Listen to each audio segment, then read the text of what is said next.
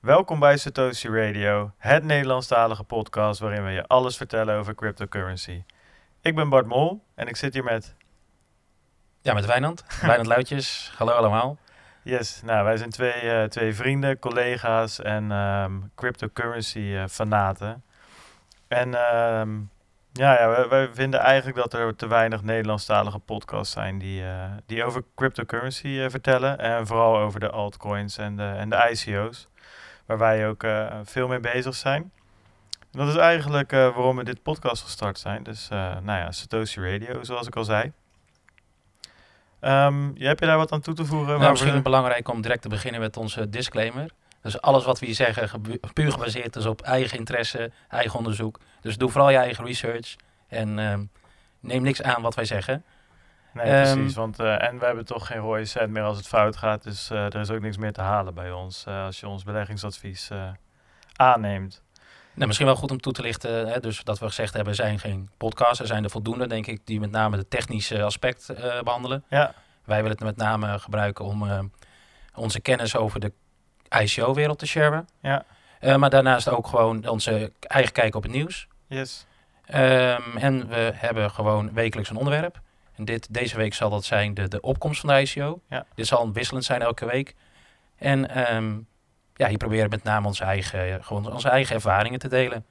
Ja. Dus dingen die je dus ook vooral misschien niet meer moet doen. Of die je juist wel kunt doen. Yes, dat is, eh, dat is het idee. Ehm, wij hebben natuurlijk eh, een website, eh satoshiradio.nl. Daar staan ook onze links naar onze social channels. Radio Satoshi, at Radio Satoshi op Twitter.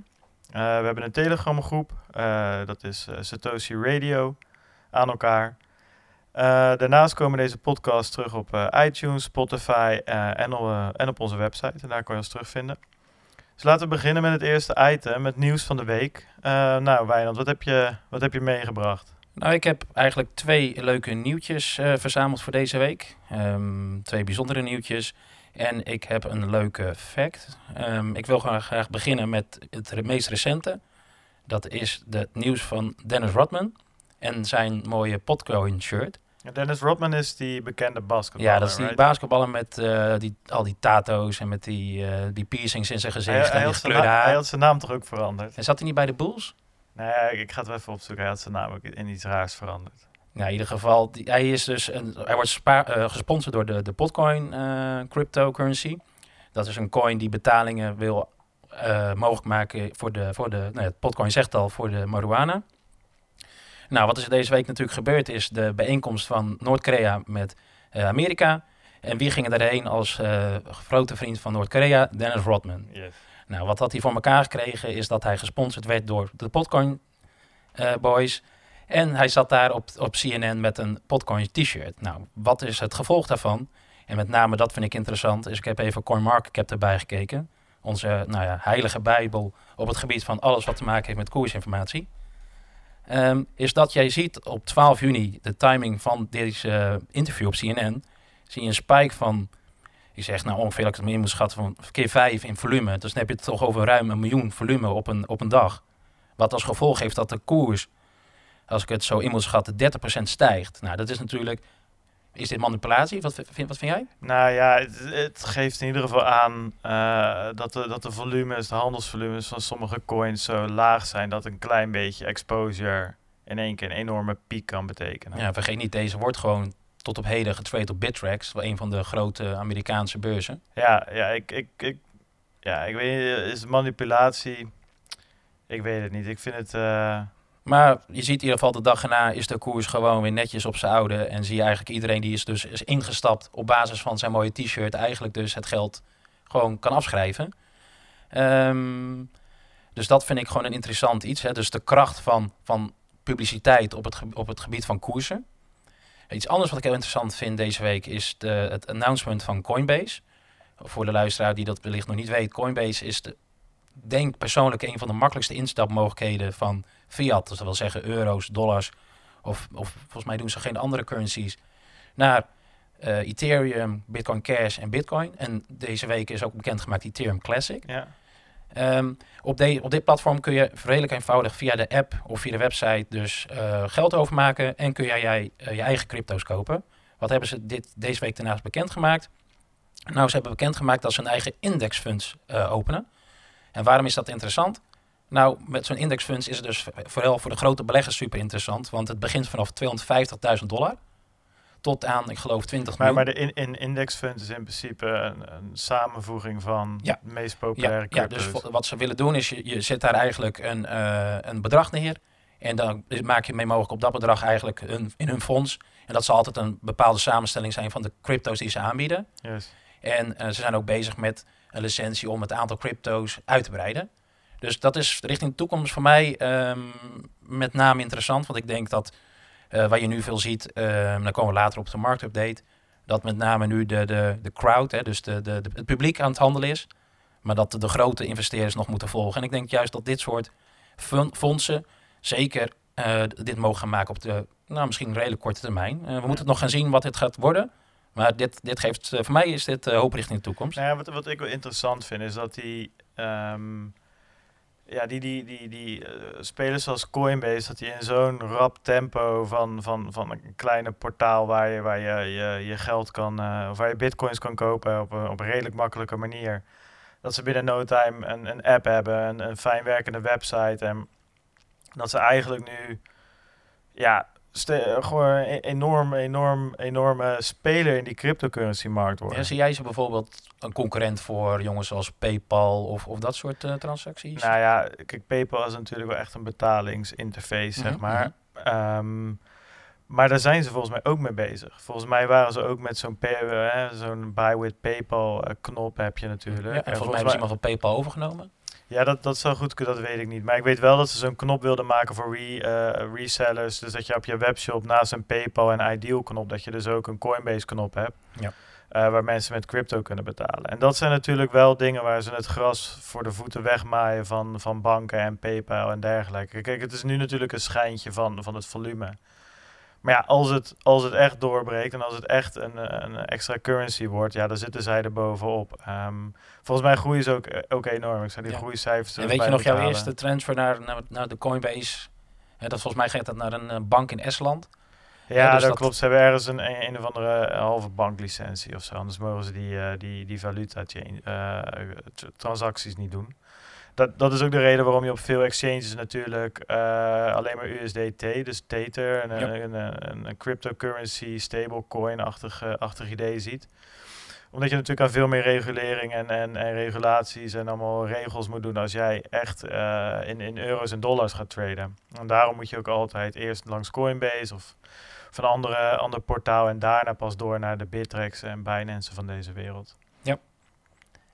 ik heb nog een ander nieuwtje. Uh, dat vond ik op Twitter. Ik vond ik zelf, nou ja, het is een minder leuk onderwerp, maar ik vond de facts wel erg grappig. Is dat momenteel op Twitter is er een groot probleem gaande, is natuurlijk met de, de Ethereum giveaways. Ja.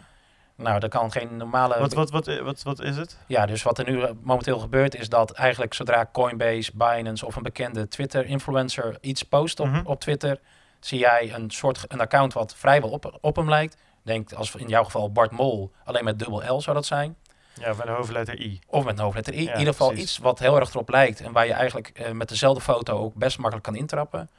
Um, en de, wat er altijd gebeurt is dat daar een linkje in staat van... nou, stuur mij een Ethereum. Ja. Dan krijg jij er uh, drie, twee terug. En vervolgens zie jij iets van tien bots eronder uh, antwoorden van... geweldig, het is gelukt, bedankt, he, doe, doe dit alsjeblieft vaker.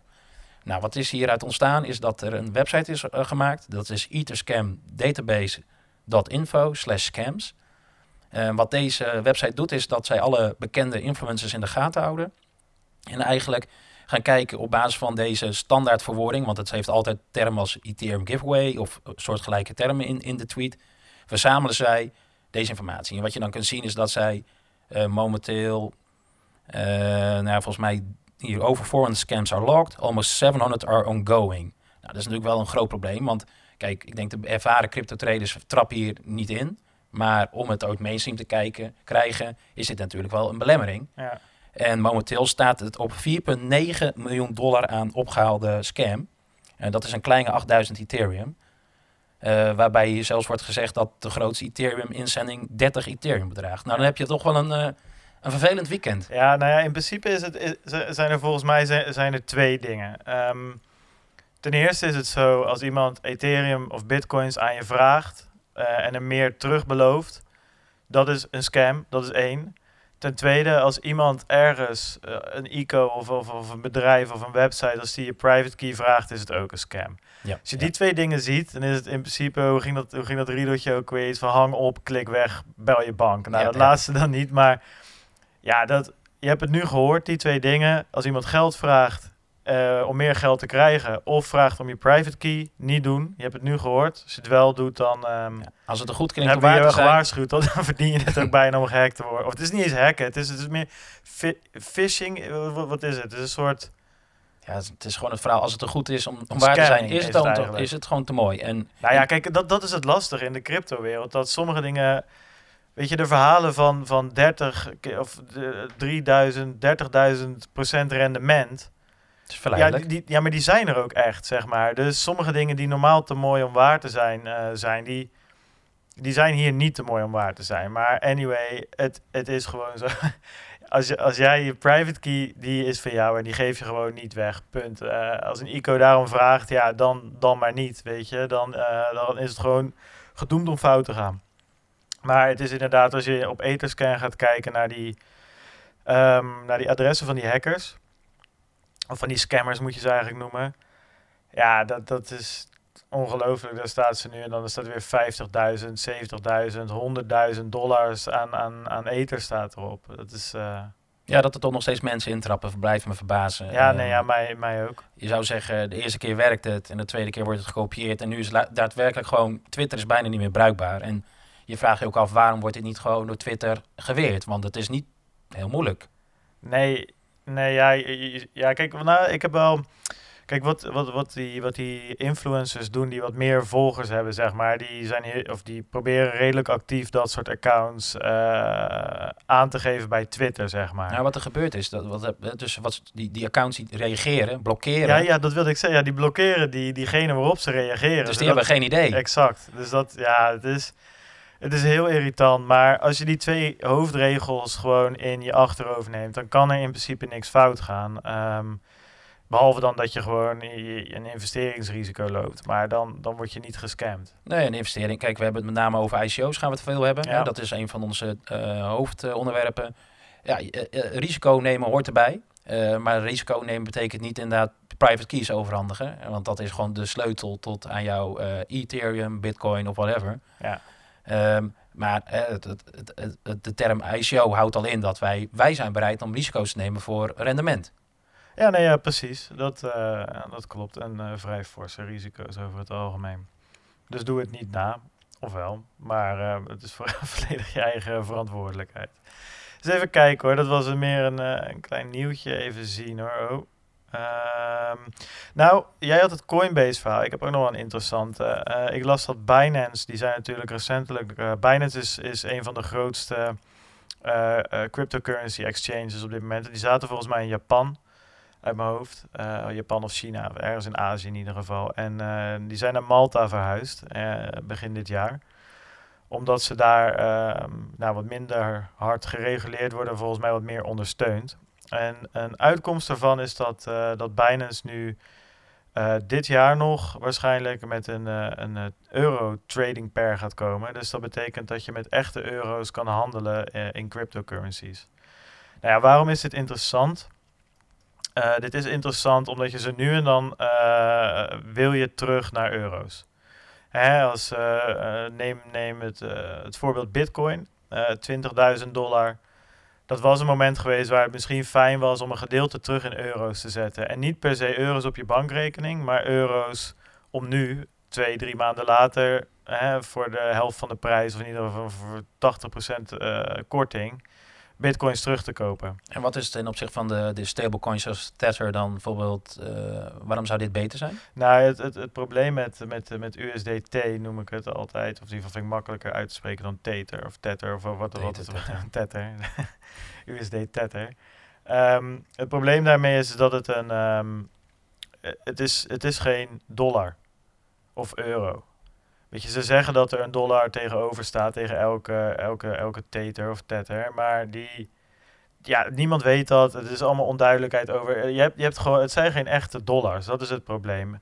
Dus wat je nu moet doen om dat wel te krijgen, is dat je dus van Binance alles verkoopt, het terug naar Coinbase stuurt. Coinbase die zet het om in euro's. Uh, maar voordat je dat grapje hebt gedaan, dan ben je wel wat verder. Plus je betaalt voor mij 5% aan, uh, aan gecombineerde, um, gecombineerde transactiekosten. Dus dat is gewoon niet interessant. Uh, dus er is op dit moment eigenlijk geen mogelijkheid om snel naar een stabiele munteenheid te gaan. Want dat is wat Kraken, je wil. Kraken, Kraken doet ja, hij niet Kraken eigenlijk doet wel. Ja, klopt. Maar het probleem is dat er geen hond meer op kraken zit. Of in ieder geval, er zit geen. De, de, alle nieuwe eh, hippe en happening coins. Die komen eigenlijk allemaal op Binance.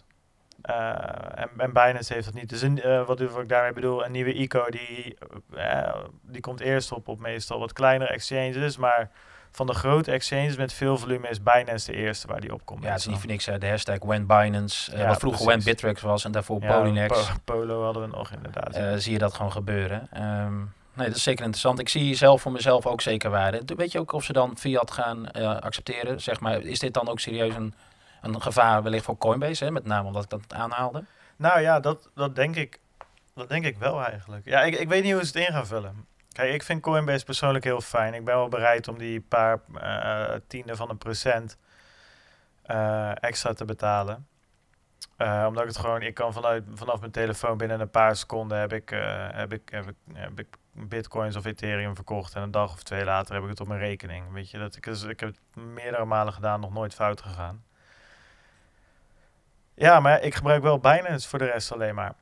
Dus als zij net zo makkelijk uitbetalen, dan... ehm, Ja, voor de day-to-day trading hebben we het dan over. Gebruik je dus Binance. ja, maar ook als ik, makkelijk via, als ik net zo makkelijk via Binance mijn bitcoins en ethereum kan kopen en verkopen naar euro's... en zij sturen naar mijn bankrekening, ik heb er voor de rest geen gedoe mee... dan, dan zit ik niet meer op, eh, op Coinbase. Nou, ik denk voor, gewoon voor de, hè, dus de, voor de mainstream, eh, wat nou, naar mijn gevoel nog steeds echt moet gaan komen, ehm, is het natuurlijk alleen maar goed, deze concurrentie.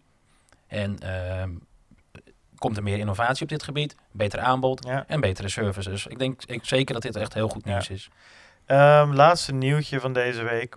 Vond ik wel grappig. Ehm EOS, of EOS, ehm, die kwamen met een mainnet.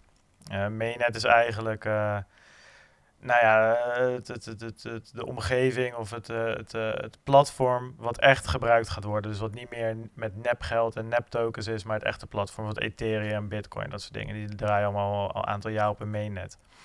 Ehm, die zijn live gegaan en correct me if I'm wrong, maar EOS heeft een, eh, een ehm, die gebruiken geen proof of work, dus er wordt niet gemined. Die hebben een, eh, volgens mij een, een, een, proof of stake-achtig eh, achtig idee. Wat betekent dat mensen die EOS bezitten, die moeten dat inleggen en dan krijg je stemrechten en dan krijg je ook een gedeelte aan, eh, aan interest, aan rente eigenlijk. Wat is nou het probleem? Eh, om het mainnet live te laten gaan, ehm, moeten er minimaal 15% van alle tokenholders moeten die tokens vastgezet hebben, zodat ze kunnen stemmen. En op het moment dat, het, eh, dat, het, eh, dat ze live gingen met het mainnet, was dat niet het geval. Er waren maar 3,5% van alle tokenholders hebben hun tokens gesteekt. En, en waarom, waarom is dat? Ja, eh, geen idee waarom dat zo is, maar het betekent wel dat ze in een soort limbo zitten. Staat, de rest staat waarschijnlijk dus op Binance. Dus het, Ja, het zijn dus de, de, de mensen die hopen op betere koersen. Dus de, Ja, nou ja, dat, dat zou je haast denken. Maar feit is dat, dat ze een mainnet klaar hebben staan, maar dat, dat, er, dat die niet live gestemd wordt. Zeg maar, eh, vergelijkend met dat, met dat er een, een nieuw kabinet gewoon eh, klaar staat, koning er al bij om een fotootje te maken. En het enige wat nog nodig is, is- een opkomst van 10% van de stemgerechtigden. En dan komt 3,5% opdagen. En ja, eh, daar staan ze dan met z'n allen op het bordes bij de koning. ja, Te wachten totdat ze een keer aan het werk mogen. En Dus, eh, toch, EOS is toch nog 9,1 miljard waard, as we speak. 9,1 miljard, dat is, nummer dus 5 fors. Is volgens dus- mij. Het is inderdaad de nummer 5, dus dat is vrij fors als dit soort problemen voor een niet werken. Maar is het nou ook zo dat hij dus momenteel gewoon echt niet werkt? Hij staat stil. Ja, het mainnet is nog niet live volgens mij. Dat, dat, dat is wat ik, eh, wat ik ervan snap. Ik, ik moet zeggen, ik heb een nooit. Ik, EOS is een beetje een boot die ik gemist heb op de een of andere manier. Die zag ik pas toen die opeens nummer 10 was of zo. Ja, ze hadden een hele vreemde structuur, toch? Je, die ICO was maanden of, je- of, Ja, dat was ook lang nog open. ding. Ja, maar die is pas net dicht. Zelfs. Die, die is een jaar lang open geweest. Volgens mij hebben ze echt miljoenen opgehaald. Ja, volgens mij is bij, was het iets, dat ik las iets van 4 miljard. Maar, ja, maar zij, zij dumpt ook telkens die tokens, zeg maar, die Ethereum eh, tokens. Zij hadden volgens mij op een gegeven moment 7% van de... Dit is even een aanname hoor, dat zou ik nog eens na moeten checken. Voor mij hadden ze op, op een gegeven moment echt meerdere procenten van de totale eh, Ethereum ehm, tokens in handen. Voor mij echt 5 of 6 procent. Echt een enorm bedrag. Nou, ik, ik weet hè, dus de laatste tijd hebben we dus te maken met behoorlijke prijsvermindering. hè. dus we tikten de 10k aan en as we speak zitten we net iets boven de 6. ja, Ik las inderdaad ook geruchten dat natuurlijk deze EOS Whales, hè, dus deze behoorlijke eh sterkt EOS wallet, ja. eh, hier mede de reden van zouden kunnen zijn. Met name omdat ze naar het mainnet zouden gaan. Nee, ja, Ehm, precies. ja, misschien, is dus dat, misschien is dat meteen een mooie, eh, een mooie brug naar het volgende onderdeel, is de marktupdate. Ja. Ehm, inderdaad, wat je al aanhaalt, ehm gaat niet zo goed. Nee, Wijnand, nee. we zitten hier wel met de podcast, de eerste aflevering, maar als het zo doorgaat kunnen we over drie weken opdoeken. Want, Nou, in eh, dit tempo eh, is er weinig eh, lol aan te beleven inderdaad. Ik pak even de laatste ja, prijs wat, wat, bij. wat, wat, wat voor cijfers? Even voor de duidelijkheid, we nemen dit op op donderdagavond eh 14 eh, juni. Dus er zal waarschijnlijk eh, nou, iets vertraging in zitten. Ehm, Ja, en ik heb dus even de CoinMarketCap er weer bij gehaald. eh, wat eigenlijk dus de, de, de trade volumes en de prijs van alle grote beurzen wereldwijd laat zien. ja. Waar we mee we op Het een... is eigenlijk een soort, even voor, voor kijkers die echt net beginnen met, eh, met crypto's.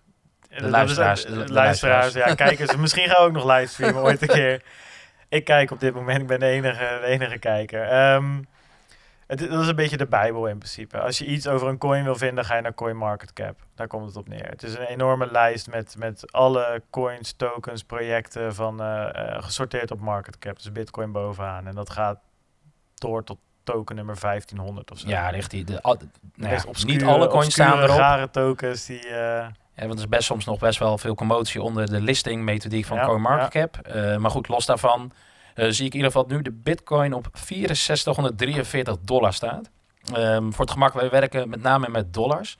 Eh, want de markt, eh, de, de- zoals toch Binance en de grote beurzen, werken eenmaal ja, en- met en- dollars. En, en, ik denk de community. En de community is gewend in dollars. Ehm, ja, wat is nu de, dollarkoer, de eurokoers? Zal daar is volgens mij iets van 0,9. eh zal daarvan zijn. Maar voor het gemak blijven wij gewoon de dollarkoers eh, hanteren. Eh, Ja. dus alle bedragen die wij noemen zijn ook dollar-based. Ja. Ehm, het kan soms zijn, eh, dat is denk ik heel belangrijk, wat we misschien later een keer kunnen behandelen, is de, hoe wij handelen. ehm, en dat is ook vaak op de Ethereum of Bitcoin rate.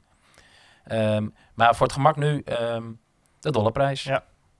Nou, wat zien we nog meer? Eh, Ethereum of Ethereum. Ja, wat ook die weer, ook weer onder de 500 gezakt. Ja, ik, voor mij loop ik, ik refresh hem ook even, hoor, want er zitten wel eens nog eh, twee verschillende dingen te roepen. Ja, die zit op 486.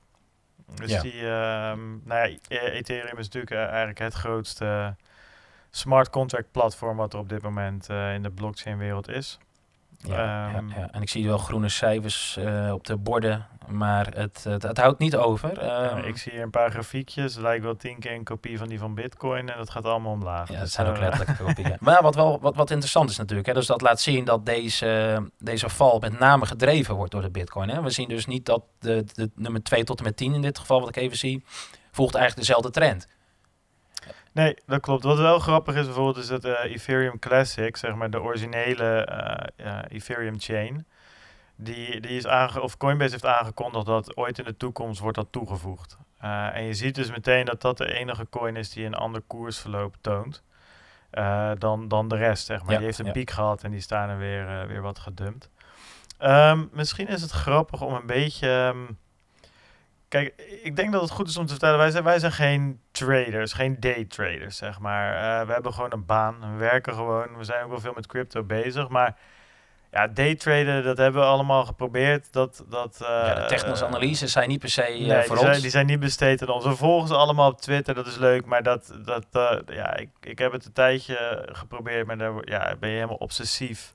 Nee, maar we houden, kijk, bezig. we houden het natuurlijk wel in de gaten. Hè? Dus eh, nee, ik- ik tuurlijk, bedoel, ik vo- bedoel, we ja. volgen de, de influencers op Twitter en die komen met hun grafieken. En vaak eh, is het in hindsight in ons gevoel, eh, zit er waarschijnlijk wel iets van waarheid in. Maar als het op een gegeven moment 1000 euro dropt, ja, als je het kunt voorspellen, 1000 dollar, Ja, dan ben je een hele grote. ja, dan ben je echt een hele grote in deze scene.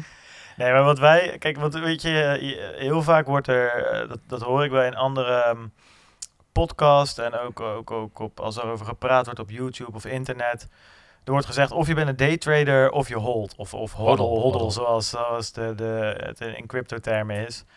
Ja, ik ben het er niet helemaal mee eens. Kijk, ik ben geen daytrader, maar het is ook geen blinde hoddle, zeg maar. Weet je wel, je kan ook op de medium, korte tot medium termijn, als in een week, een maand, misschien drie maanden, eh, iets kopen en vasthouden waar je in gelooft, maar wel zeggen, oké, nu komt hij op een prijspunt, daar verkoop ik hem. Is dat iets wat eh, doorgaans bij ons goed afgaat, het verkopen? Of zijn wij Nou, toch, toch ik, ben, ik zou heel eerlijk zijn, het is het lastigste wat er, dat er is. Ehm, maar ja, weet je, sec gezien, we zijn eh, een jaartje bezig. Ja, dat is waar. En al met al is dat toch wel aardig, ehm, aardig gegaan. Maar wat je zegt, in een, als, als de koers omhoog gaat, dan verantwoordelijk je winst nemen, dat is het moeilijkste wat er is. Dat vind ik nog moeilijker dan vasthouden in tijden zoals nu, om heel eerlijk te zijn. Ook Ja. niet leuk. Nou, ik weet nog wel goede voorbeelden dat we dat duidelijk van tevoren hebben afgesproken. En bij de eerste koers, eh, denk aan een Bounty Zero X, dat wij duidelijk hebben gezegd, dit, dit wordt het, gaat het worden. We verkopen niet eerder. Paniek, toen hadden we eerder verkocht, hè? Ja. veel te vroeg verkocht. Ja, dat zijn de, de, Ja, de, de dure ja, foutjes. Daar, daar komen we zo nog wel eh, in het, eh, in het ICO, eh, ons, ons hoofdgedeelte, komen we daar nog wel op terug. Ja, eigenlijk, hè, ik denk wel dat we voor ons beiden, dat ik voor ons beiden spreek als ik zeg dat we eigenlijk één project eh, afgelopen, ehm, nou, afgelopen half jaar op de voet gevolgd hebben en heel enthousiast over zijn, dat is Silica. ja, ik zie, ik zie je als een silica trui tegenover ja, mij. ja, nou, nou, het zegt ja. Ik heb wat merchandise van, van Silica. Kan, kan, kan jij vertellen wat het, wat het, wat het is? Nou, waarom wij zo psyched zijn op Silica heeft te maken met een van de, de grotere problemen van het Ethereum-netwerk momenteel. Ehm, en dat is scalability. En dat houdt zich de schaalbaarheid van het, van Ja. de platform, van het netwerk.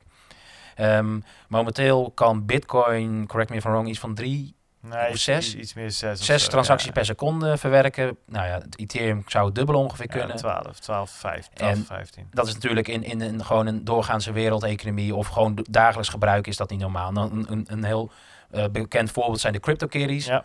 Dat is een project waarbij je digitale katten kon kopen en verkopen. Dat Ja, werd een handel op een spelletje, een, een soort Facebook-spelletje. Ja, Iets wat ja. je moeder Plaatjes, of oma... plaatje ja, ruilen. Ja, denk Of Pokémon of zo. Ja, of de voetbalplaatjes van vroeger. alleen dan met een enorme waarde en, en sommige waren heel zeldzaam. Ehm, en dat was als gevolg dat dus het hele netwerk gewoon onbruikbaar was. Nou, wat zijn dus... Ja, onbruikbaar, wat, wat, wat als ik als gebruiker, wat, wat merk ik Nou, je, dus eh, hoe dat werkt is, je stuurt een transactie. En dat kan op verschillende manieren. Dat komt in een wachtrij. En afhankelijk van hoe, jouw bereidbaarheid om Ja. de transactie met meer eh, transactiekosten te betalen, kun je eerder verwerkt worden. Even om het simpel te houden. Dus Het ja, dus om, het, om het nog verder plat te slaan, je transacties duurden gewoon enorm lang voordat ze verwerkt of werden gewoon zeg, verwerkt. werden niet verwerkt Ja. omdat die CryptoKitties eh meer eh, bereid waren te betalen voor deze transacties. ja, ja. Ehm, dus wat eh, onder andere eh, projecten zoals Ziliga willen oplossen zijn eh, de schaalbaarheid en scalability. Ja. Dat doen ze dan op een hele technische manier. Ja, ik, eh, op de sharding. Dat Daar denk ik dat we nog wel een keertje op terugkomen. Daar gaan we terugkomen, maar het plat gezegd is dat is dat zij dus de chain, hè, de blockchain, dus opknippen in verschillende eh sidestreams, of zijstromen. Ja. En toch een manier hebben gevonden om één waarheid te houden. Eh, Ja. Maar ik denk dat dat heel interessant is om er een andere keer naar te kijken. En Ja. andere grote die momenteel net uit is, Quark Chain, die Ja. heeft hetzelfde voor ogen. Maar ook, er zijn ook wat andere oplossingen. eh, denk aan en et cetera. Maar dat zijn hele technische oplossingen. Ja, en ik denk om aan toe te voegen, wat, wat mij ook heel erg aantrekt in Ziliga, is de manier hoe zij eh, in, een, in een ICO waarin wij hebben meegedaan, ja, dingen anders hebben aangepakt dan, dan andere teams, zeg maar. En eh, daarnaast, Ja, Als professioneel. ja, geen, gek, geen gekke dingen, geen gekke berichten. nee precies, en daarnaast vond ik ook, eh, als je naar het team kijkt, het zijn allemaal, al- allemaal ja, promovendi op allemaal eh, gekke engineering, computer science dingen. Het is echt een heel competent team. Ja, jij was hier in Amsterdam bezig geweest, hè? Ja, ik ben bij een meetup geweest. Ja, dat was echt enorm, eh, enorm leuk. En wat was de opkomst? Toch een mannetje of 30 of zoiets dergelijks? Nou, daaraan zie je nog wel dat er nog wel wat te winnen is. Want Precies, er komt in principe precies. geen hond op af. Die gasten die halen... Toen, toen ze daar stonden volgens mij, toen stonden ze op een market cap van 500 miljoen, weet Ja. je wel. Ehm, En ze hebben 20, of rond, nee, 22 miljoen hebben ze opgehaald. ja, ja, 22 miljoen en ze stonden op 500 miljoen market cap. Ja, dan komt er 20 man op dagen. Ja, ja, ja. Ja, dat is ongekend. Ik weet niet, voor mij is Adyen natuurlijk naar de beurs gegaan. Voor mij werden die op, op een paar miljard gevalueerd. Dus dit is niet eens zo heel veel kleiner, weet je wel. Dit is dan tien keer zo klein. Ja, dat, ik vond het ongekend. Maar goed, dat, ehm, ik zou ook iedereen aan willen raden... als er een keer zo'n zo'n zo'n eh, zo'n project een keer langskomt... er gebeurt nog best wel vaak Ja, of twee weken. Ja, of anderhalve week in de- Autonomy was dat ja. komt langs. Definity zijn wij geweest. Dat is echt... ehm, Ja, je steekt gewoon heel veel leuk. op en je ziet iemand met passie praten over, over het project. En ik moet zeggen, Divinity, ja, dat, dat ga je dan wel duizelig, eh, stap je die ruimte uit. Want Ja. ja. die jongens zijn wel bezig met next level eh, ja. development. En, Maar ja, als je er niks van snapt, zo, of in ieder geval, ik vond het ook vrij lastig. Je hebt wel lekker eh, bitter, bitter hapjes altijd. en dan gratis Gratis biertje als het mee zit. Ja, dat was precies. niet verkeerd. Een colaatje. Ehm, even kijken hoor, dan gaan we door naar het volgende onderwerp. Wij, het idee is zeg maar dat we, nou we zijn veel met eco's bezig. Uh, ja, join daarom ook vooral ons of volg ons op Twitter en, en join ons Telegram kanaal. Gaan we ook dingetjes in bespreken. Uh, maar in de podcast willen we in ieder geval elke week zeg maar een ICO behandelen die, die voor ons op de radar staat. Uh, deze week is dat Phantom met een F. F-A-N-T-O-M van Mark. Um, en waarom is het interessant? Het is een, ja, een DAG, een DAG. Um, ja, vraag me niet waar het voor staat in het Engels, maar ja, het is even lastige term. Ja, het is, het is goed dat je het aangaat. ik, ik, ik, ik, wilde er even overheen praten, maar nu uh, zo, zo jij, zoek jij het maar even op. Um, wat, het base, uh, wat, wat, het is, het is, uh, het is geen blockchain. En dat is het coole ervan. Het is een, een, een, een distributed ledger. Um, net als een blockchain dat is, maar het werkt op een andere manier. En dat geeft een aantal voordelen. Volgens mij is het vooral het voordeel dat het wat makkelijker, of een van de vo voordelen is dat het wat makkelijker schaalbaar is. Ja, je moet het volgens mij, als je het uh, wil vergelijken met het soort het honingraad, hè, dus uh, van in een bijennest. Uh, dus transacties zijn met elkaar verbonden, maar er is niet eenduidig een logica. Het is niet een lange chain, ja. maar het gaat crisscross door elkaar. En een transactie wordt bevestigd, hè, geconfirmed ja. door de opvolgende transacties. En het voordeel aan dit soort netwerken, zover ik het kan begrijpen, is dat het ook draaibaar is, bijvoorbeeld van je telefoon, eventueel smart, smartwatch, een smartwatch, een IT-device, gewoon een cameraatje. Um, echt het Internet of Things idee. Um, maar wat, wat wij wel begrijpen, kijk, en dat is ook met, met de ICO's natuurlijk zo, je hebt een gedeelte technologie. Ja. En dat gaat mij in ieder geval op een gegeven moment flink boven mijn pet. Ja, we, Weet je, ja, ik heb op de middelbare school, uh, daar was de wiskunde al, al te lastig nee, voor me. dus ja, ja, Op, een gegeven moment, op een gegeven moment houdt het op. Het, het fijne van, van de cryptomarkt is dat er nog wel... Ja, ik weet niet of het fijn is. Ik bedoel, ik denk, het is niet helemaal gezond of zo. Maar ik denk... Uh, de, het is, het is zo'n hype-gevoelige markt. Het draait alleen maar om... om Telegram groep en dergelijke. Dus daar kom ik nu ook even op terug. We hebben Phantom een tijdje gevolgd. Voor mij zaten we erbij toen die Telegram nog redelijk kaal was. 5k, 5000 mensen. Ja, inmiddels staan we bijna op 40, 40.000. Uh, eigenlijk was de gehele uh, crowd sale die was uh, afgelast.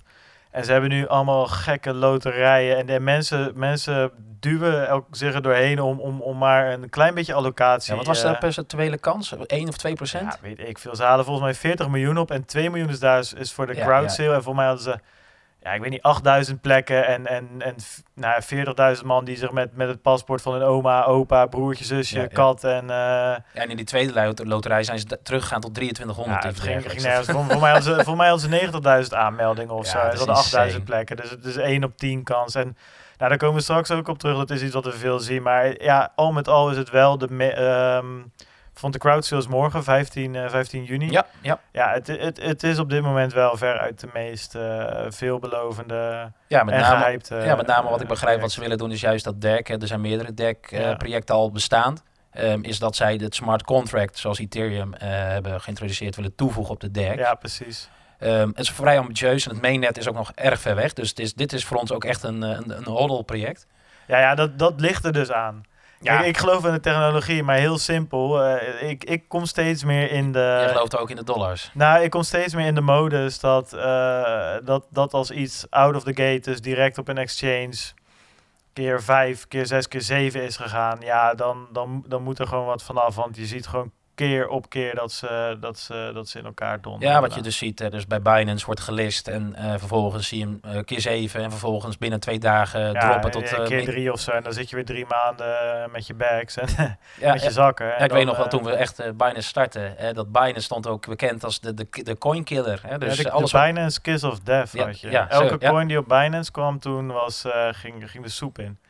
Ja, nou ja, hadden we er toen maar wat beter naar gekeken, hè, zeg je dan weer achteraf. Want toen was de Binance coin volgens mij 50 cent of zo. Ja, toen was Bittrex Ik durf eens te kijken wat die momenteel waard is. Niet. Dan hebben we het laatste, laatste eigenlijk, ja, onderdeeltje van het nieuws, is zeg maar de kalender voor, uh, voor aankomende week. Ga ik even snel doorheen. We hebben 15 juni de Phantom Crowd Sale. Uh, ook op 15 juni Airblock, andere ICO, de eerste ronde. Ook op 15 juni Se uh, Sentinel Protocol Token Unlock die ICO is geweest. Die tokens worden morgen unlocked, 15 juni. 17 juni is algemeen token uh, unlock. Die ICO is ook geweest. 19 juni Airblock uh, tweede ronde. En 20 juni is de pre-sale van uh, U-Chain. Dat is op zich ook wel iets waar wij naar, naar uitkijken. Ja, ja, ja. maar ik zie dat we inmiddels al 34 minuutjes bezig zijn. Dus we gaan naar ons laatste, of naar het hoofdonderdeel eigenlijk. De, de levensloop der ICO staat hier. eh, In- staat hier in onze ogen, In ja. onze ogen. Ja, wat leuk, misschien leuk. Wanneer zijn we nou gestart? Hebben we het wel een beetje tussendoor? Nou ja, wanneer maar- wij gestart zijn, weet ik nog wel. Dat was eh, midden juni vorig jaar. Ja, Eigenlijk, Ja. eigenlijk precies een jaar. maar hoe, hoe, startten wij? Het was niet direct op de ICO's. Nee, nee, nee. Ik weet nog wel hoe het, eh, hoe het gegaan is. Enigszins. Zeg maar, voor mij was het de derde of vierde keer dat ik op Tweakers weer las van Bitcoin is een x aantal euro's waard. En volgens mij waren ze nu 3000 dollar. En Ethereum was 400. Was 400 dollar. Ehm, en dat was voor ons in ieder geval de trigger van... Oké, nu heb ik het zo vaak gelezen, we moeten erin. Eigenlijk was het hetzelfde als in december afgelopen jaar. Alleen op een wat kleinere schaal. Ja, ja, ja. En ehm, nou, alles donderde direct in elkaar. de dag nadat Ja. we gekocht hadden. Ja, wat was het dieptepunt? Dat was ook al min 60% op ons portfolio. Man, ja. man, man. Ja, er, was wat geld ingegaan. Eh, niet veel hoor, maar het was gewoon direct gewoon, gewoon gone. Ja, en dan, dan kom je door alle stages heen eh, die, die je meemaakt. Ja, kunnen we ook nog wel een keer op ingaan. Is misschien ook nog wel leuk. Maar de, de pump-and-dump groups. ehm, inkopen op gekke coins die, die, die, dan, die dan gepumpt worden. En ja, het, de- Ja, ik vergeet nooit meer hè, de, de Quarkcoin, dus niet vergeten de Quark Chain. Ik, nee. ik zie Bart, dus wat is er gebeurd? Zijn hele portfolio omgezet naar Quarkcoin, ja, eh naar Quark. En vervolgens was er een Twitter berichtje, ja, we gaan tokens burnen. Nou ja, niet wetende wat dat inhoudt, maar het zal positief zijn, want er zijn, het is hype. Ehm, nou, ik heb nog nooit zo'n grote spread gezien op, op dat moment Bittrex met niet bewegende buys en sell walls. Dus Ja, er gebeurde gewoon niks. Niks. er gebeurde En Bart, helemaal niks. Bart zit daar met, nou ja, nou ja, wat was het, een paar honderd euro of misschien net duizend euro quarks ready om op die berg te verkopen. Ja, maar wat Maar- hebben we gezien? We hebben geocoins gezien, die triggercoins van jou, die opeens toen 100% omhoog en, de en, en je was nog niet bij me naast mijn bureau en ze waren weer Ja. 100% omlaag. Ja, in, Ja. in zo'n periode durf je niet te slapen, want eh, Nee. meestal is dus inderdaad die 100% gain is daarna gevolgd door min 80 ehm, Ja. en weg. Nee, dat was, dat was ja, de, de, de domste dingen gedaan. Maar ook, ik denk het grootste verschil was heel erg op emotie, weet je. Ik heb heel Ja, veel dingen laag verkocht, eh, veel te hoog weer ingekocht. En dat, dat, dat, nou ja, dat gaat er op een gegeven moment een beetje uit. Ja, de En- FOMO en de, en de FUD in dit geval. Ja, en op een gegeven moment kwamen we een beetje achter de, ehm, achter de ICO's. En de ICO staat voor een Initial Coin Offering. Dus als een eh, nieuw project hun, eh, hun tokens lanceert. Dus je kan het ook een ITO noemen. Maar ICO is, is, is in de volksmond hoe dat genoemd wordt. En eigenlijk de eerste, nou dat heb ik even opgezocht. Dat wist ik ook niet. Dat was Filecoin in 2013. Ehm, Ethereum heeft zijn ICO in 2014 gedaan. En even goed om te zeggen hoe dat, hoe dat ging. Dat, ja, nee, ik was er niet bij. Maar volgens mij was het zo, je stuurde bitcoins gewoon naar iemands adres. Dus een bitcoin adres. En je kreeg Ethereum terug. Dus dat volgens mij niet echt, dat was voor mij een vrij handmatig proces. Ehm, het ging in ieder geval niet zoals nu. En, en Ehm, wat was de waarde van de Filecoin, hè? aangezien dat we dat ja, als nou eerste ja, die, in die, hebben, die, 2013? hebben, die hebben 500.000 dollar opgehaald. ja, in het dat- licht van nu zou dat dus echt gewoon niet ja, zijn. een schijntje inderdaad. Dat is eh, heel weinig. Ehm, in 2015, 2016 zijn er nog een aantal ICO's geweest die, ehm, eh, die we nu nog steeds eh, vrij hoog in de lijst zien staan. Golem is er een van, Ark, IOTA zie ik, Augur, Augur, Augurk, Augurk, ja. Lisk. Dat zijn allemaal, ehm, en, en, en, en, eh, voor degenen die wat, wat, wat dieper in de crypto's zitten, dat zijn allemaal platforms eigenlijk. Dat zijn Ja. allemaal, die hebben allemaal een eigen chain, een eigen token, zeg maar. Dat zijn geen Ethereum-based eh, tokens. Ja, wat zie je met ARK nu? Dat is wel een leuk feitje. Dat kun je op eh icostats.com zien. Is, as, we speak, weet ik niet of ze de laatste crash al verwerkt hebben. Is bijvoorbeeld een ARK die je net noemde, is eh 15.000 procent Ja, dat klopt, omhoog. Hè, dus dat, ja. Dan dat hebben, we- dan hebben we het over ehm, dollarwaarde, hè, volgens mij. Ja, dollarwaarde. Ja. Want, ja, dat is eh, natuurlijk insane. ja, dat is echt dat, insane. Dat is niet normaal, maar ja, dat... eh, Ja, er zijn dus nu op Ibiza staan er wat, landshui of wat vakantiehuis naast elkaar met mensen met walletjes, eh Eh, vol, vol met Ark en Iota en Golem, inderdaad, ja. Ja, nee, dat, dat klopt. Dat, ehm, dat waren de gouden dagen natuurlijk. Maar wat, wat, wat nou eigenlijk de, het, het, ehm, de grootste verandering was, op een gegeven moment dat, dat ehm, Ethereum werd echt daadwerkelijk gebruikt op een gegeven moment. Hè? Dat, eh, dat is een beetje zo, want eh, dat was, eh, begin 2017 was het volgens mij nog 7 dollar waard of zo, 5 dollar, nog niet eens zoveel. En op een gegeven moment is dat helemaal, helemaal live gegaan. Ik weet niet, eigenlijk niet meer precies wanneer dat, wanneer dat was. als voor onze tijd in ieder geval. Uh, maar wat is het idee uh, is van Ethereum, daar kan je uh, een ICO op doen. En wat er dan even heel kort gebeurt, is dat je een token creëert, gebaseerd, of die draait op het Ethereum netwerk. En dat is een ERC20 token over het algemeen.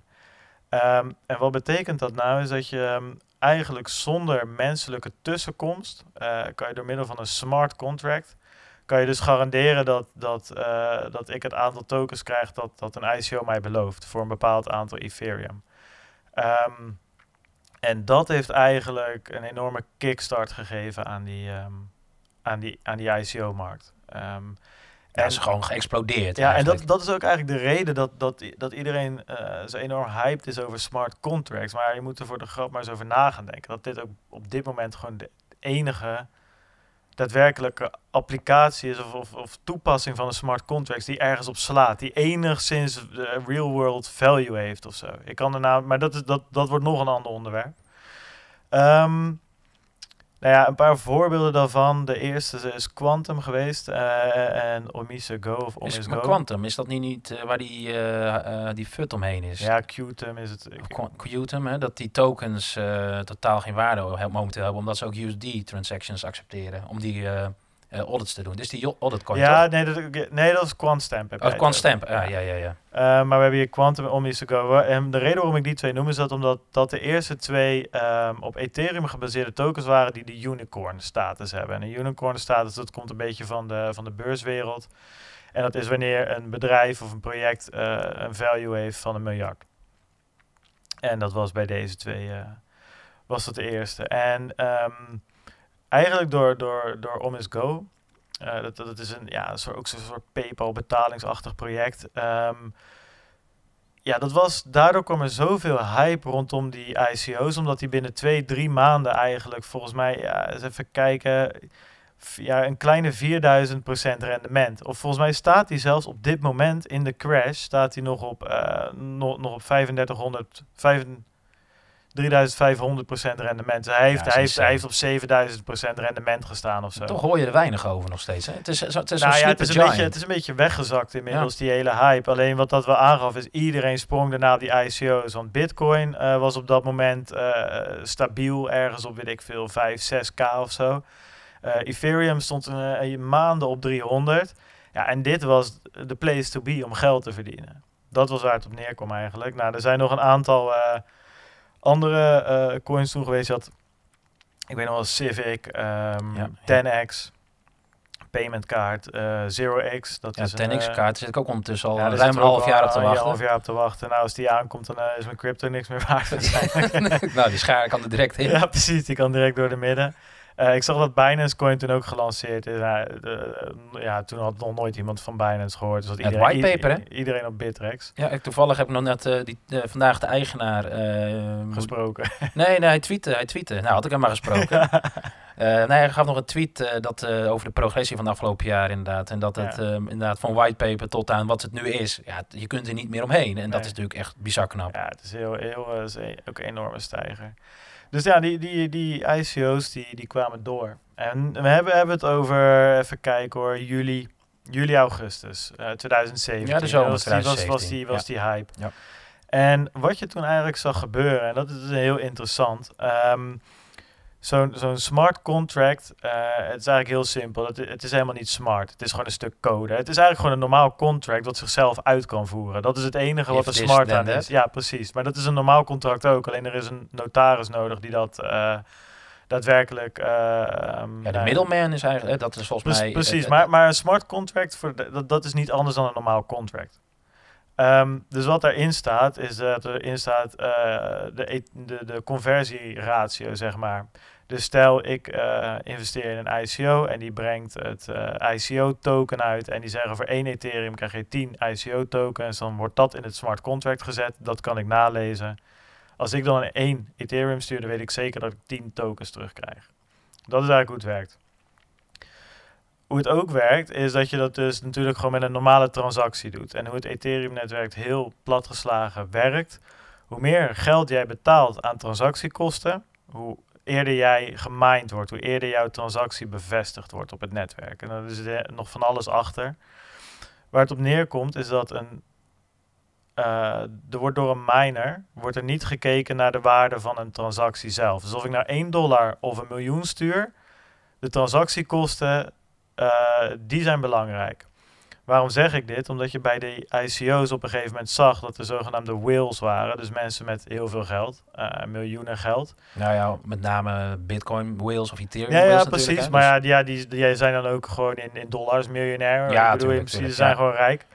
En waar het op neerkomt, die, um, die kochten gewoon een complete ICO op. En omdat hij zoveel geld investeerde, uh, miljoenen, uh, of in ieder geval meerdere honderdduizenden euro's, ja, is 1000, 2000, 3000 euro transactiekosten een schijntje. Maar dat kan ik als kleine investeerder nooit betalen. Nou, het kwam er dus op neer dat iedereen uh, uh, ja, niet mee kon doen aan die ICO's, omdat er dus een, een, een, een whale was, een grote investeerder, die alles voor je neus wegkaapte. En dat was gewoon niet mee te concurreren. Ja, waarom niet? Hè? Want het is natuurlijk, want stel dat jij je transactie na deze whale met een lage transactie instuurde, het, het was een token. Het was op. Het, dat, ja, de tokens waren allemaal uitgedeeld. Het contract was eigenlijk complete afgesloten. Ja, precies. En jouw transactie werd gebounced niet gemined. En uh, ja, je zat met je Ethereum of Bitcoin en ja. uh, Ethereum in dit geval natuurlijk. Ja. Dus dat, en, uh, ja. Nou ja, dat, dat was erg vervelend. En dan vrij snel was daar een oplossing voor. En toen, toen kwamen de ICO's met de whitelist. Um, ik weet nog wel, de eerste voor mij in ieder geval was dat voor mij Kyber. Dat was sowieso de eerste ICO waar ik aan meedeed. Kyber is een, is een decentraal handelsplatform. Ja. En dat was op dat moment de meest gehyped ICO. En om op de whitelist te komen, een whitelist is, is niks meer of minder dan een lijst met geautoriseerde personen of adressen die mee mogen doen aan de, aan de ICO. En uh, samen met zo'n whitelist heb je dus vaak dat je dan ook een, een gegarandeerd stukje allocatie krijgt. Dus je mag gegarandeerd voor 100 of 200 of 1000 of 2000 euro meedoen. Ook niet meer, dus voor de grote whales is dat niet interessant. Maar voor, voor ons was dat heel erg, uh, heel erg interessant. Nou ja, voor ons. Uh, ik miste de, de Slack join op een dag. Ja, ja, jij had hem net even niet. Dus dat was niet zo handig. Um, ja, dat ging via Slack. En dat was ook nog wel mooi, want dat liep natuurlijk volledig uit de klauwen. Er waren een aantal dingen aan Slack. Um, Slack is een, een, platform wat, wat je gebruikt om in een, in een agile team samen te werken. Het is eigenlijk helemaal niet bedoeld om enorme communities op, uh, op te onderhouden.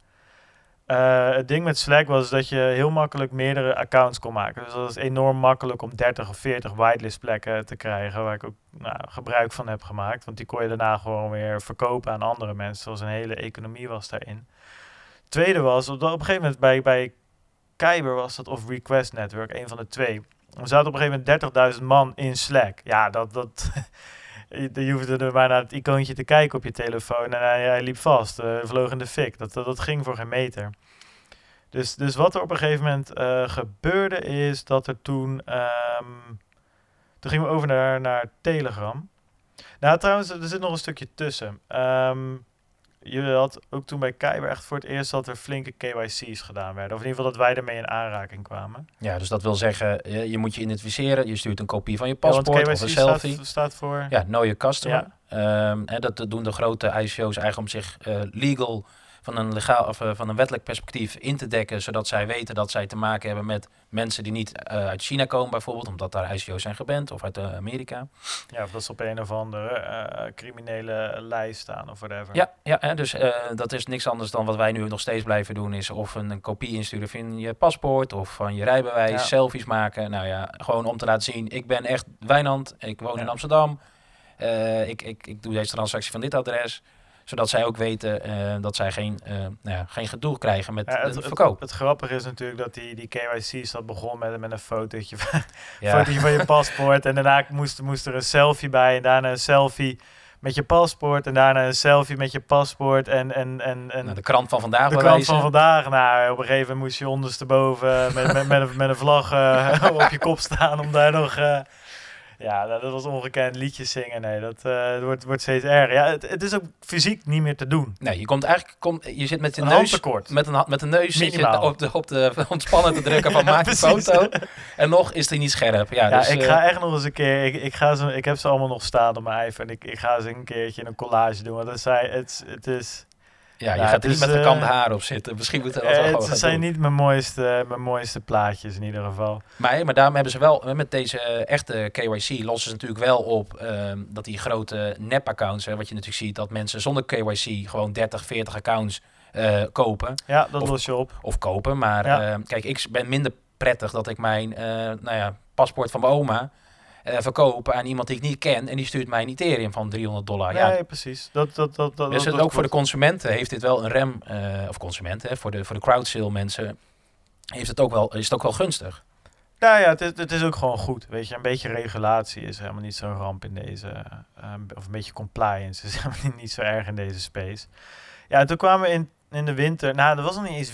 Iedereen noemde het de, de ICO winter, maar het was eigenlijk in september of zo. Nou, ik, zat, jaar. ik zat er diep in. Ik, ja, jij was, ik, jij was ik even kwijt. Dat, dat, dat wij hier nu zitten met z'n tweeën ja, in deze podcast, dat mag een wonder genoemd worden. Wijnand die was, eh, ja, alles ging omlaag en het ging niet goed. En die ICO's waar we in zaten, ik zat in Request, volgens Ja, mij ik- nou eh, de, door de helft.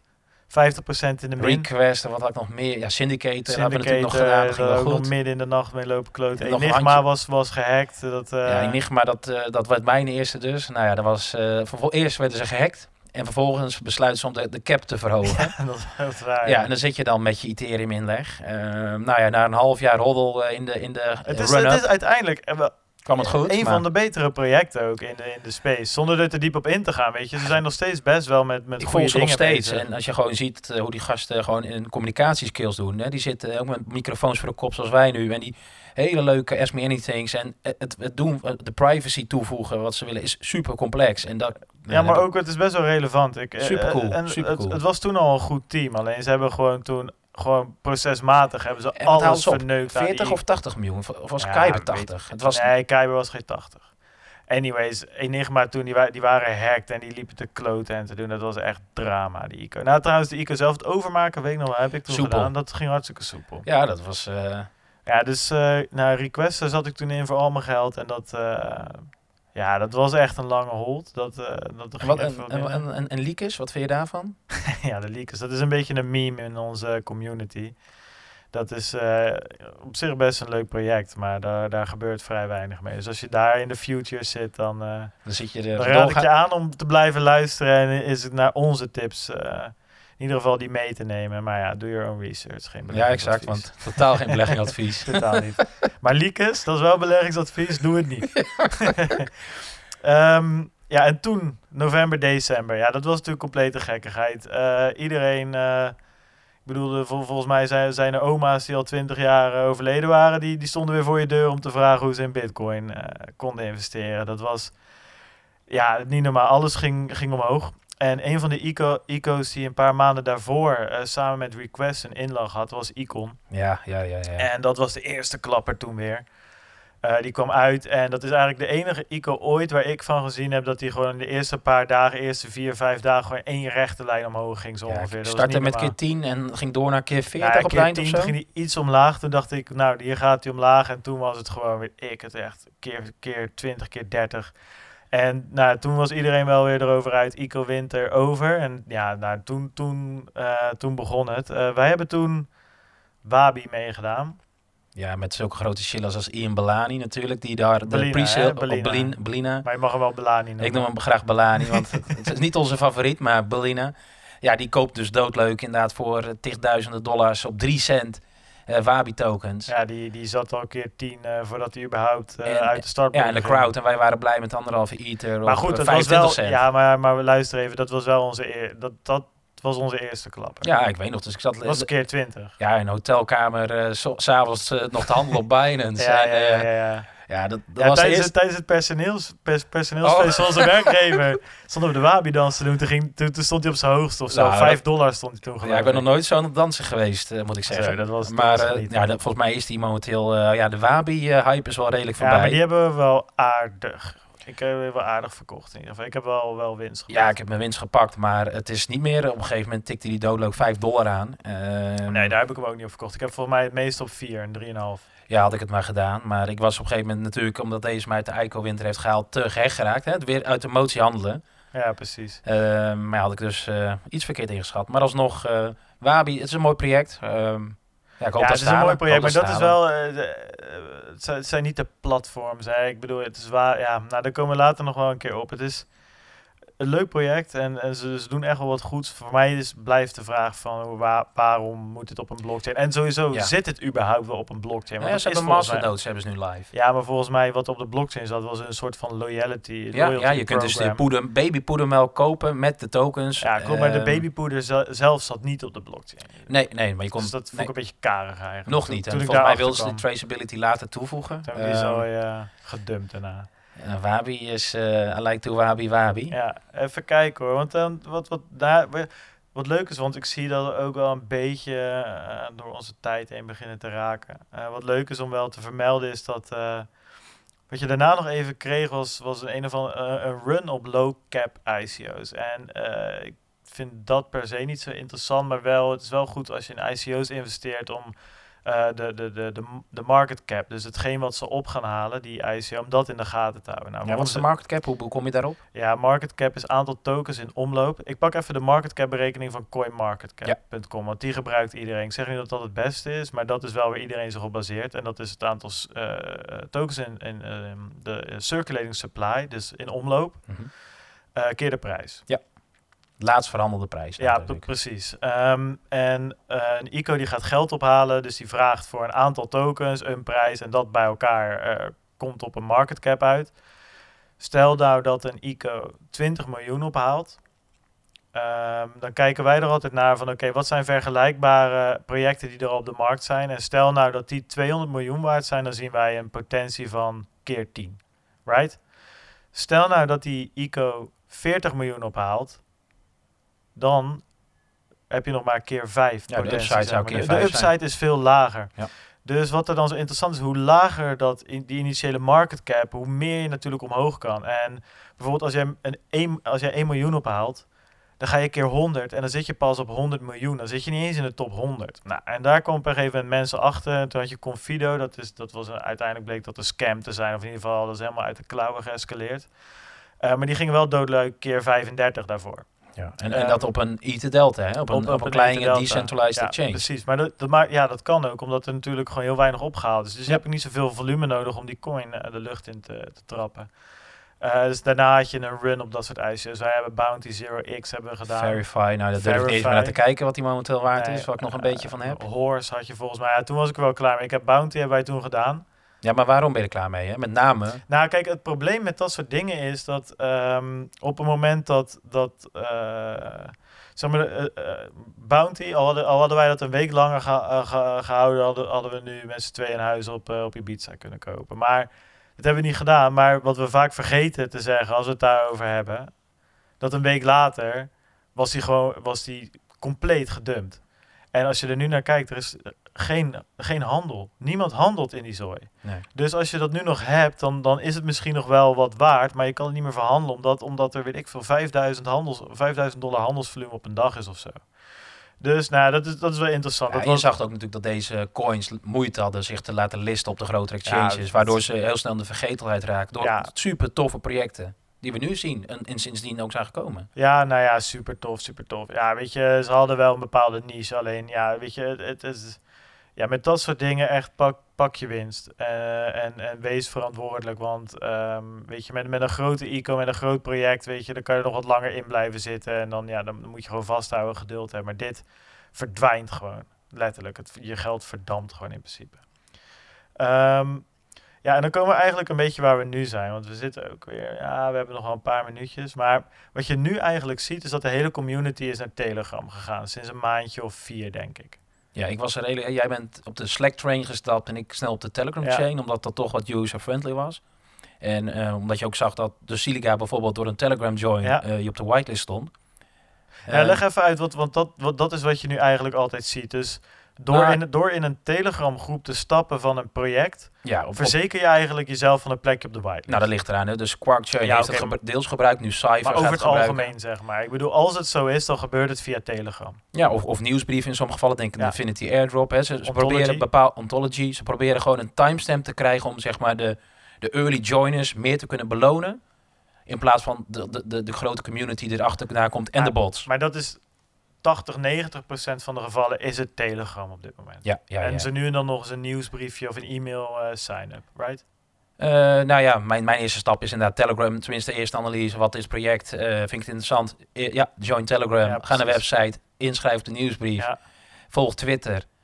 Eh, en, en, en blijf op de hoogte. Ehm, en, en dat zie je nu ook gebeuren. Er zijn dus channels gewoon die over een maximale capaciteit, eh, capaciteit heen gaan. Referium, die gewoon honderdduizend mensen. ja, dat waren de eerste. Dat was eigenlijk nog een hartstikke gare ico, maar er was zo'n Ja, hype toen. Er was, Momenteel gewoon 0,25 USD waard. Hè? Dus je bent gewoon eh, jouw nummer 1 vierde van je beleggingen over. Terwijl er gewoon zoveel hype omheen zat. ja, klopt. En die hebben een hele ico-proces toen. Ja, die stopte de crowd sale. En dan Ja. zie je ook dus direct het belang van de crowd sale. Ja, het, was, het was echt heel dom. Maar, maar terugkomend op dat Telegram, eh Telegram punt. In principe de workflow die wij hanteren is... we gaan bijvoorbeeld op EcoDrops ehm of op Twitter... Nou, gaan we op zoek, hè, dat monitoren voor nieuwe projecten. Als we wat zien dat ons enigszins interesseert... en ik denk dat dat een inschatting is van vijf minuten...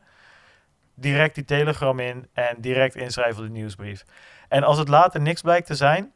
dan ga je er weer uit. Ja. Weet je, maar niet andersom. Je, je begint met een enorme pool van Telegram groepen en op een gegeven moment hou je er vijf over hè, eh, waarvan je wat vindt en daarin ga je in investeren. Ja, zolang je, zodra je merkt dat je batterij niet langer dan eh, een half uur meegaat door alle telegrams, gifjes en je telefoonbatterij heb je het over, hè? ja, ja, de Ja. batterij van de telefoon, dat die roodgloeiend is en dat je hem alleen maar kunt gebruiken als je aan de charger hangt, dan, dan wordt het weer tijd om al die ellende op te ruimen. Ja, als je want, opeens een aggregaat in een karretje achter je want je mist op een dag rustig duizenden berichten, waardoor je, het, je kunt het niet meer gebruiken om op de hoogte te blijven. Het is gewoon puur een inschrijf. eh, Het is, ja, terwijl je wel, eh, persoonlijk zie ik wel, eh nou Quarkchain is een van de laatste die het wel relatief succesvol heeft gebruikt.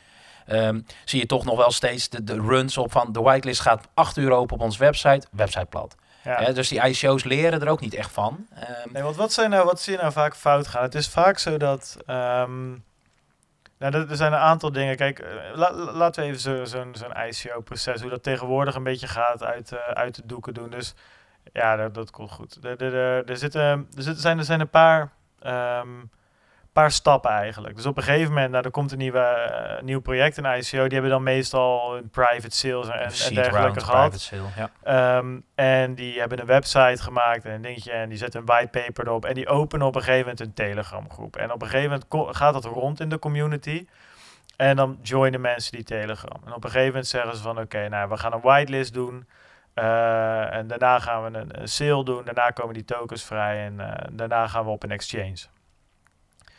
En er zijn al een aantal cases geweest waar dat vlekkeloos ging. Op de een of andere domme manier halen veel van die projecten nog steeds in een, in een, in een botte harses gewoon. Om een een of ander servertje wat op Ja. een zolderkamer Ja. staat te draaien. Daar wordt opeens, ja, er wordt opeens 50.000 man probeert Ja, zich in te schrijven. denk aan je, dat kan Gewoon. Fantasma, One Ledger. En, en vervolgens zit je in Telegram alleen maar naar Aziatische porno te kijken. Ja, precies. Even, even voor de duidelijkheid. Die Telegram groepen, die worden soms gehackt of whatever. En die worden gewoon compleet ja. overgenomen. En er zitten allemaal automatische bots op die het een beetje proberen. Maar zelfs die bots die trekken het niet meer. Dus Nee. op een gegeven moment Klappen die eruit. breekt dat, kleek, klappen die eruit. Ja, en dan, dan worden de gekste plaatjes en beelden, die, eh, die, die worden door die Telegram heen geramd. Maar dat is wel gewoon een leuke keer een discussiepunt. Hè? Want dit is natuurlijk waar we wel mee te maken hebben met gewoon bots. Eh, mensen die dus met opzet dus channels kapot gaan maken. Ja, wat is daar nog de fun van? Hè? Maar voor dit soort projecten is het wel gewoon real business. Zij willen gewoon geld ophalen Ja, om hun projecten te, te maken. Nee, ja, eens. Maar het, is, het, is, het, het hoeft allemaal niet zo moeilijk als dat ze het doen. Alleen, eh, je ziet gewoon dat bij sommige projecten hele slimme gasten, hele slimme developers, eh, ja, van business eh, kennis hebben ze wat minder. Nee, maar dat zie je ook in de communicatie of in de tweets of de whitepapers soms al. Die zijn soms zo inges- technisch ingestoken. Terwijl dat heel interessant is voor een selecte doelgroep. Maar als je gewoon kunt begrijpen wat een platform brengt, dat Ja. voor eigenlijk 80, 90% voldoende is. En ehm, ja, dat, is- dat is denk ik wel de, de volwassenheid die we op een gegeven moment Ja. nodig gaan hebben in de, in de komende periode. Hè. Dus we hebben natuurlijk de legal aspect, maar Ja. ook dit soort punten. Ja, wat, wat denk ik wel interessant is om te noemen, want we hebben dat in het begin van de podcast al laten, laten vallen, dat eh Ziliga heeft ook een ICO gedaan. Ja. En Ziliga had eigenlijk al, ehm, die hebben eh, bij grote investeerders hebben zij eh, volgens mij 10 miljoen of 15 miljoen opgehaald. ja, of zo. 20, 20 miljoen hadden ze opgehaald. Nee, nee, nee. dus, ja, of, het, het idee was in ieder geval dat ze volgens mij, weet ik veel, 80% van hun totale Ja, ja, eh, ja. aantal gingen ze bij grote investeerders ophalen. Maar dat hebben ze gedaan toen Ethereum 400 dollar was. tegen de tijd dat de kleine investeerders zoals wij eh, ja, aan de slag mochten met, eh, met, met dat project, was Ethereum, weet ik veel, 800 dollar of zo, Ja. 900 dollar. Dus zij hadden al veel meer in dollars opgehaald dan dat ze eigenlijk zouden, ja, nodig dachten te hebben. Dus zij deden geen ICO meer. En wat ze toen, en dat vond ik eigenlijk al cool, dat ze dus niet als een soort money grab alsnog 40, 50.000 man mee laten doen. Maar toen hebben ze uiteindelijk gezegd, oké, de community die was, die was er altijd voor ons, we hebben een goede community. Dus die willen we belonen. Dus de eerste duizend mensen in de Telegram groep. En als ik erover nadenk, dan, dan vraag ik me nog steeds af hoe wij daartussen zijn gekomen zo vroeg. Nou ja, die dikke reet van ons, die brengen we over. Ja, die brengen we overal tussen, inderdaad. Maar, dus wij zaten erbij en ik vond het wel cool. Want als, ja, ik denk dat, dat 99 van de 100 ICO's die ik nu zie, die hadden niet gezegd we doen de eerste duizend. Die hadden dit drie, vier, vijf weken gemelkt totdat er 80.000 man in die groep zaten. En die hadden iedereen daarna met vijf loterijen. Het hele, hele fenomeen timestamp van Telegram was voor mij nieuw. En vooral voor, Ja. dit, voor zo'n dergelijk groot project. ja, precies, maar, maar ook ze hadden dit veel zieker uit kunnen melken. En dat hebben ze niet gedaan. En dat, dat getuigt wel van een bepaalde volwassenheid in het project waar, waar ik wel voor gevallen ben. Nou, ik weet nog wel dat wij eh, discussie hadden, en met name gedreven misschien van mijn kant. Hè, dat is dat we Ethereums in mochten leggen. En die waren momenteel 800, 900 dollar waard. Ja. Maar ze waren patched. Dus dat wil zeggen dat ze gewaardeerd waren voor de ICO op 450 dollar. ja. Dus elke Ethereum die we neer inlegden in het project, zakte gewoon met 50%. Ja, precies. Nou, ik, ik, ik heb er nog steeds mijn theorie over. Maar die, die zijn ook voor later. Dat zijn allemaal dingen die moeten we beter uitleggen. Nou, ik, nu is die theorie inderdaad misschien achteraan. Maar zo zaten er wel in. Hè? Dus Ja, het was nee, natuurlijk nee, in onze jonge ik, ik ga niet, ICO-carrière. ik ga niet die discussie weer aan. ik heb toen heel duidelijk in meerdere telefoongesprekken aangegeven hoe ik erover dacht. Maar we hebben daar veel discussies over gehad. Dat, dat, eh, dat onderken ik. Maar wat je dus nu wel vaak ziet, is dus eh, enorme crowd sales. Waar je dus nou, tegenwoordig de hype van de afgelopen paar weken, maand is loterijen. Ja, Dus je komt er nu gewoon helemaal niet meer tussen. Airblock loterij, Phantom Ja, loterij, Quark loterij. Dat was drama. Ja, jij, jij bent met Quark nog ingekomen. Ik word standaard uitgeloot. Anyway. Ehm, dus ja, dan komen we eigenlijk een beetje bij, bij de afsluiting. Dan gaan we een kwartiertje, kwartiertje over tijd. Dat is voor een eerste podcast, vind, Ja. ik, dat, vind ik dat eigenlijk best wel netjes. Ik dacht dat we drie uurtjes, eh drie uurtjes gingen. Ja, nou, laten we dat de kijkers, of de luisteraars moet ik zeggen, laten we dat ze niet, eh, niet aandoen. Oh. Ehm, kijk, ik vind nog steeds eh, dat ICO's, ik vind het nog steeds, als je naar alle blockchain toepassingen kijkt op dit moment, dan is dit het enige wat daadwerkelijk, zeg maar in de echte wereld, vind ik revolutionair is. Om de hele simpele reden dat er eh, zo. En, en, en dan wil ik niet zeggen dat de projecten goed zijn of dat het eh, eh, risicoloos investeren is. Maar puur het feit dat een onbekend project uit China, Japan, Singapore, Zwitserland of Polen. gewoon binnen no time vanuit heel de wereld 20 miljoen bij elkaar kan krijgen Ja, is geweldig. dat vind ik, dat vind ik zo, eh, zo, zo gaaf, zeg maar. Dat het, ehm, en, en tuurlijk moet dat gereguleerd worden. En tuurlijk eh, zi- zitten er scams bovenop. Maar even gewoon alles daar afpellen. Het feit dat je dus zonder eh crowdfund platform erdoor, zonder derde partij... of zonder investeringsbank die dat allemaal volgt... geld bij elkaar kan krijgen... Dat vind ik heel cool. En ik vind dat op dit moment eigenlijk ook de enige toepassing van blockchain... Ja, crowdfunding, hè, de katalysator voor, voor innovatie. Het is gewoon geweldig om mee te kunnen kijken Ja, nee, in, dat de, klopt. in dat, de keuken van deze technische, technologische ontwikkeling. En ja, wanneer, wanneer is dit ooit gebeurd? Ik bedoel, met eh, Henry Ford rolde er opeens een auto van de band af die te koop wordt. En het internet was ook volgens mij vrij daar. En toen kwam de internetbubbel. ehm, eh, waar het allemaal iets minder roos- rooskleurig. Ja. Maar nu is het gewoon, ge- ik, dat is gewoon toch geweldig. Nou, ik, ik, vind- ik vind dit gewoon, weet je, er zijn een aantal dingen die, ik- die, ik- die ik tof vind aan cryptocurrencies. En dat zijn echt niet alle, alle dingen die nu zo opgehemeld worden. Maar het internationale as- aspect en, en, en dat, dat iemand in, in, in India, eh, die, die kan een paar honderd euro inleggen. En aan de andere kant in Amerika kan iemand gewoon voor drie ton inleggen. Gewoon alles komt bij elkaar. Er is Amerika geen- is natuurlijk wel wat moeilijker met Nee, oké, dat snap ik. Maar het ding is dat, dat, dat groot en kleine investeerders, iedereen kan meedoen. Er zit, omdat, omdat die kosten zo laag zijn, iedereen eh, kan eraan meedoen in, in, een- in een optimaal eh, uitgevoerde ICO. En dat, dat, dat vind ik wel cool. Kijk, dat het voor de rest 9 van de 10 keer eh, niet al te beste projecten zijn die gewoon op zoek zijn naar heel snel heel veel geld. Ja, Money je, ja nou dat klopt. Maar dat, dat haalt, doet in principe, nou misschien doet het wel een beetje af van de, van de shine van zo'n ICO. Maar het concept aan zich vind ik heel cool. Nou, ik denk dat we nu eh, wel de kritieke fase ingaan natuurlijk, waar de ICO's zich moeten gaan bewijzen. Dat zal binnen nu 1 tot 2 jaar wel moeten. Ehm, ja, om te laten zien wat ze hebben gedaan met dat geld en ontwikkeling. Hè. Die roadmap laat zien, dit jaar of, eind, of begin volgend jaar komen we live. Ja, als er dan geen adoptie komt door de massa, ja, dan wordt het een eh, moeilijk verhaal voor de, voor de ICO's. Ehm, maar ja, Ja. ik denk, hè, de toekomst van de ICO's zou ik graag een keer meer over willen, willen filosoferen. Ehm, Nee, ik, denk, ik denk, kijk, het gaat natuurlijk gewoon gereguleerd worden. ja, maar, maar daar sta ik wel achter.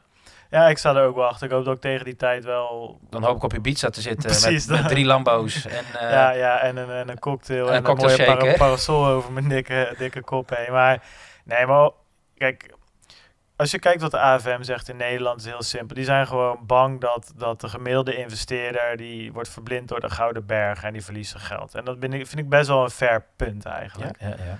Ehm, want als je in december kijkt, nou ja, ik werd er ook een beetje bang van, om heel eerlijk te zijn. Weet je, dat kon ook gewoon niet goed gaan. Iedereen begon over crypto's en bitcoins. Iedereen, ja, weet je, gooide blind zijn geld erin. Wij, wij hebben een Telegram groepje, weet je wel. Als daar een suggestie door, door, door ons werd gedaan, dan, dan, was er zo... Weet je, lag er 10 ether eh, klaar om geïnvesteerd te worden. Dus ja, dat werd eng. dat, dat werd een beetje scary. Dus een beetje regulering eh, kan geen kwaad, denk ik. Dat is eigenlijk, eigenlijk een korte, Ja, iets, iets uitgelopen samenvatting. nou, onze van, eh, kijk en onze belevenis van, eh, de, van ICO's. hoe wij de ICO's eh, opkomst hebben meegemaakt. Eigenlijk, als we het zo vertellen, hebben hebben we twee goede ICO's gedaan. Wahabi en Ziliga. ja, het is eigenlijk helemaal niet zo Nou ja, impressive. er zit natuurlijk wel wat andere tussen. Ja, maar het is- dat zijn wel de, de grote geweest. dat En waren wel, ja, misschien drie voor mij, met, met Keiber erbij.